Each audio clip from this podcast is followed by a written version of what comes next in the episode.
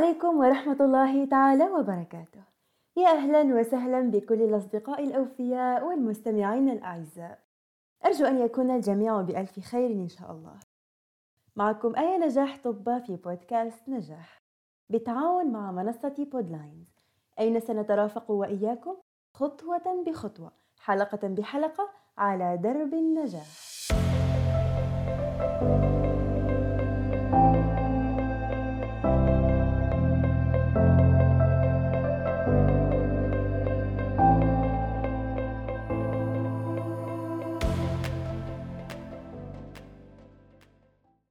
مرحبا بالجميع من جديد. كلنا لنا ذكريات عديدة من أيام الدراسة التي مضت خاصة لما كنا صغارا. حينها كان مركز أول واحد فقط في القسم لكن جميعنا نطمح أن نحتله ونصل له عن جدارة واستحقاق. كنا نسهر الليالي لنحفظ جدول الضرب ونستيقظ باكرا لحفظ صورة العلق والأعلى والبلد. كي نضرب عصفورين بحجر واحد. رضا الله تعالى ونقطة كاملة في مادة العلوم الإسلامية. نركز على قواعد الأدب العربي أكثر مما نركز على تفاصيل حياتنا. لكن في النهاية فرد واحد فقط من يصل للمركز الأول ويسمى التلميذ المتميز. لكن هل النجاح في الدراسة يقتصر على احتلال المركز الأول فقط أم غير ذلك؟ وهل لهذا النجاح علاقة بشخصية الفرد منا أم أن الأمر نفسه سيان عند الجميع؟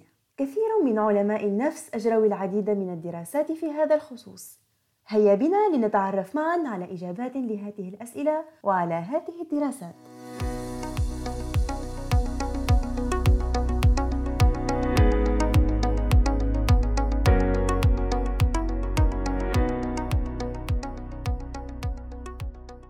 النجاح الدراسي من أهم قضايا المجتمعات من تلاميذ مؤطرين وحكومات وذلك لأهميته الكبيرة في تحقيق الأهداف العديدة سواء على المستوى العلمي، الاجتماعي أو الاقتصادي. حسب موسوعة علم النفس فالنجاح الدراسي يشير لوضعية الشخص الذي وصل إلى هدف كان قد حدده من قبل. أو إلى تحقيق مهمة لمؤسسة ما. بينما يقول مختص علم النفس لوجندر أنه الكفاءات والاتجاهات والمعارف المكتسبة من طرف التلميذ الذي طبعا يكون ناجحا حسب جماتي إذا تحصل على المعلومات والمهارات العملية والعلمية من المؤسسة التربوية في الوقت المحدد وبنقاط جيدة بالطبع.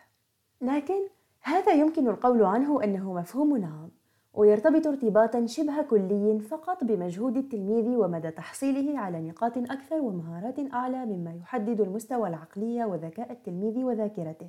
بينما الأمر مرتبط بشكل غير مباشر بالجانب الأسري للتلميذ خاصة الخلفية الثقافية للوالدين والوضع الاقتصادي والاجتماعي عموما للأسرة. ففي غالب الأمر ليس التلميذ الذي ترعرع وسط عائلة لها خلفية ثقافية وعلمية معتبرة. كمن لها خلفية بسيطة. فالأولى غالبا سينتج عنها أطفال لهم نظرة مسبقة عن العلوم. اللغات وبعض المهارات التي تعطيهم القدرة على التعامل مع ما يواجههم في الحياة سواء الاجتماعية والدراسية.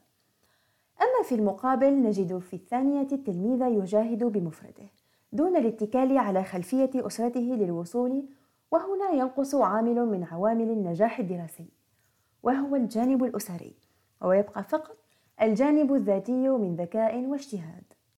كما نجد أنه حسب دراسة ماكلويد بخصوص الجانب الأسري وبالتحديد الوضع الاقتصادي للأسرة التي قام بها من خلال العطل الصيفية أن المستوى الدراسي للتلاميذ من الأسر ذات الدخل المتوسط كان أعلى قدرا مقارنة بالذين هم ينتمون لأسر ذات مدخول ضعيف. وذلك يتجلى في أن الوضع الاقتصادي السيء للأسرة يدفع الأبناء للعزوف عن الدراسة وتحسين المستوى العلمي والثقافي والاتجاه إلى العمل ومحاولة منهم في تحسين المستوى المعيشي للعائلة.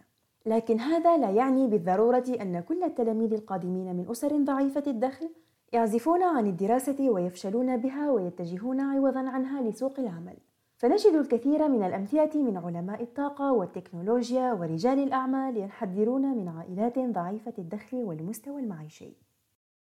بعيدا قليلا عن المستوى الثقافي والاقتصادي للعائلة، نجد المناخ الأسري الذي يترعرع فيه التلميذ، فانعدام الاستقرار غياب العلاقات العاطفية والمودة بين أفرادها وخاصة الوالدين يولد جوا مكهربا ينعكس سلبا على شخصية الطفل وتوازنه الانفعالي وبالتالي يزداد لحد كبير احتمال فشله في الدراسة. ففي دراسة أجراها المختص وجد اليحيوي سنة 2007 بتونس أن غالبية أبناء المطلقين كانت نتائجها أن غالبية أبناء المطلقين 80% منهم يفشلون في بلوغ المعدل 10 من 20 وتكون معدلاتهم تحت 7 من 20 وبذلك نجد أن العلاقات الأسرية المبنية على القيم المتماسكة سبب فاعل في تكوين أطفال بثقة عالية بالنفس وقادرين على تحصيل علمي معتبر. كذلك نجد عنصرا مهما لا يكاد يقل قيمة عن الجانب الأسري، وهو الجانب التربوي الذي يشمل المناهج التعليمية، خصائص المعلم وطرقه في الشرح والتدريس والتقويم، إضافة للمناخ المدرسي العام. فحتى لو توفر شرط الذكاء والاجتهاد والجانب الأسري الممتاز للتلميذ وكان هناك سوء في الجانب التربوي أو حشو غير ناجح في المناهج الدراسية. فذلك لن يفيد للحد المطلوب ولن ينتج عنه تلميذ مبدع وناجح. بل سيكون لنا ماكينة حفظ دروس فقط تعمل ليلا ونهارا من أجل تحصيل العلامات في المقاييس المحددة دون الالتفات لأي مجال آخر من المجالات الحياتية.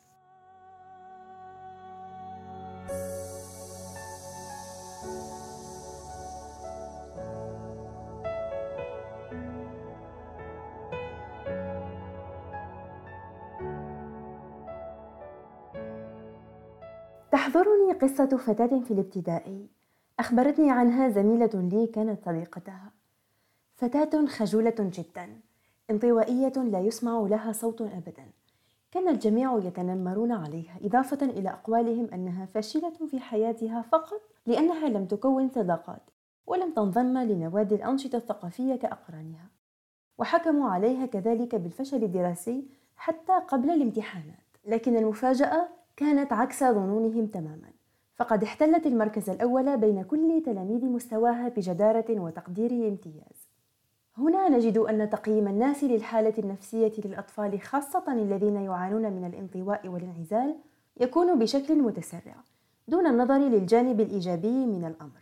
فحسب دراسة أجرتها الباحثة روث كاربينسكي بكلية بيتزر ونشرت في دورية Intelligence تضمنت أسئلة نفسية وفيزيولوجية لأعضاء جمعية مانزا الذين حققوا 98% فما فوق فيما يخص معامل الذكاء. وهذا يعادل في معامل ال IQ 132 درجة أو أكثر. في حين أن متوسط معامل الذكاء للسكان عامة قدر بحوالي 100 درجة. أثبتت إحصائيات الدراسة أن الأعضاء شديدي الذكاء أكثر ميلا للاضطرابات النفسية من بينها الانعزال والاكتئاب وحب الوحدة. كذلك اضطرابات مزاجية حادة. ومن خلال هذه الدراسة يمكننا القول أن التلميذ إن لم يكن يعاني من مشاكل عضوية أو نفسية حادة وكان الأمر مقتصرا على الانعزال فقط عن الأطفال واضطرابات قلق يمكن تقبلها فلا بأس بذلك. فهو أمر على الأرجح يشير إلى ارتفاع معدل ذكائه. ولا يستحق القلق إزاءه وسيكون حاملا للنجاح وربما أكثر مما كانوا ينتظرون منه.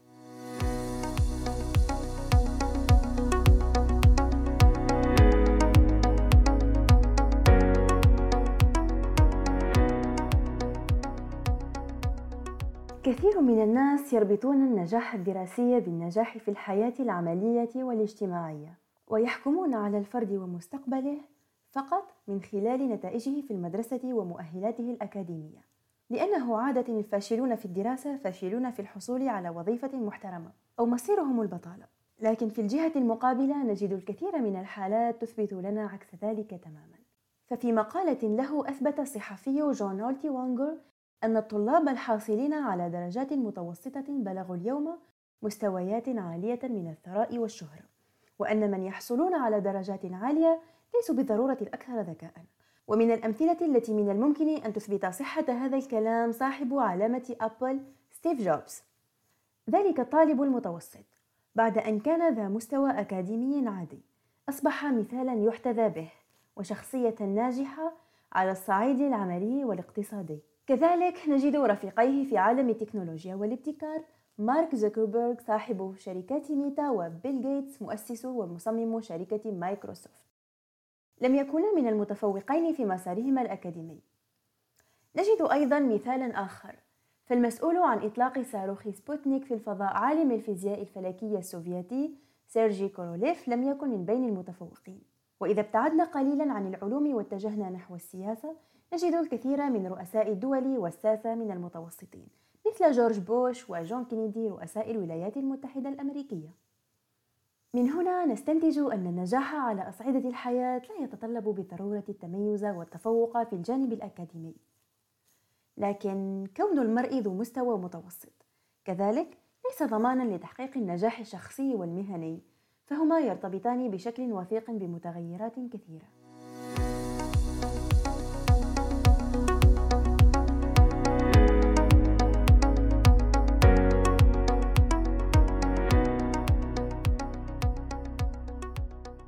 لنصل للتفوق الدراسي. نحن غير مطالبين بقضاء الساعات الطويلة أمام الكتب والحاسوب. من درس لآخر وإنما باختيار أسلوب مناسب لتحصيل أكبر قدر من المعلومات في أقل وقت وأقل جهد ممكنين. فمن أبسط الأمور التي علينا اتباعها المثابرة والمداومة على المراجعة. وإن قلت المدة فنصف ساعة يوميا أفضل من ثلاث ساعات دفعة واحدة أسبوعيا. أيضا الابتعاد عن المشتتات والتركيز العالي على نوعية الدروس أكثر من كميتها مع تدوين الملاحظات المهمة أثناء الدرس لاختصار الوقت اللازم للمراجعة. هناك أيضا دراسات أثبتت أن الفرد يتذكر الأمر الذي يشرحه لشخص آخر وبذلك عندما يقوم الطالب بتدريس زملائه ومساعدتهم سيترسخ ذلك بشكل جيد في عقله. كذلك نجد فكرة أخرى تتمثل في ستادين بلانر التي تساعد على تنظيم وقت الطالب بشكل كبير جدا بحيث يخصص وقتا لكل نشاط من تحضير حفظ مراجعة وغيرها مع اعتبار أولوية النشاط كمعيار لترتيب القائمة. لكن هذه كلها تبقى طرقا ووسائل تأتي بعد الاتكال على الله تعالى وأن يدرك الطالب أن الله عز وجل سيجعل حياته كما يريد ويقدر له ما يرجوه إن هو توكل عليه تمام التوكل.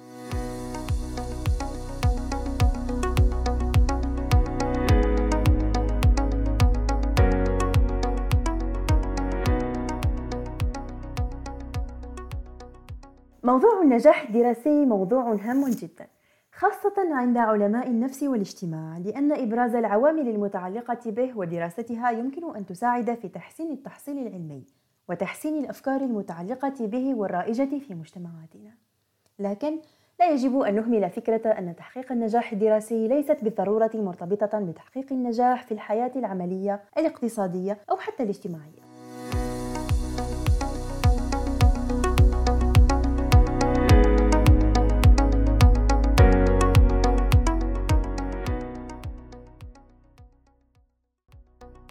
أتمنى أن يصل كل فرد منا للحد الذي يتمناه من النجاح سواء على الصعيد الدراسي أو غيره من الميادين لأن ذلك سبب كبير من أسباب السعادة الذاتية إن لم يكن الأساسية منها. شكرا لإنصاتكم ومرافقتكم لنا للوصول لهذه المحطة اليوم من درب النجاح. أحبكم رفاقي ونلتقي في حلقة قادمة ومحطة قادمة مع موضوع آخر مع بودكاست نجاح. لا تنسوا متابعتنا على منصات البودكاست Spotify Apple Podcast Google Podcast أنغامي SoundCloud وكذلك حسابات البودكاست على ال social media. ألقاكم بخير والسلام عليكم ورحمة الله تعالى وبركاته.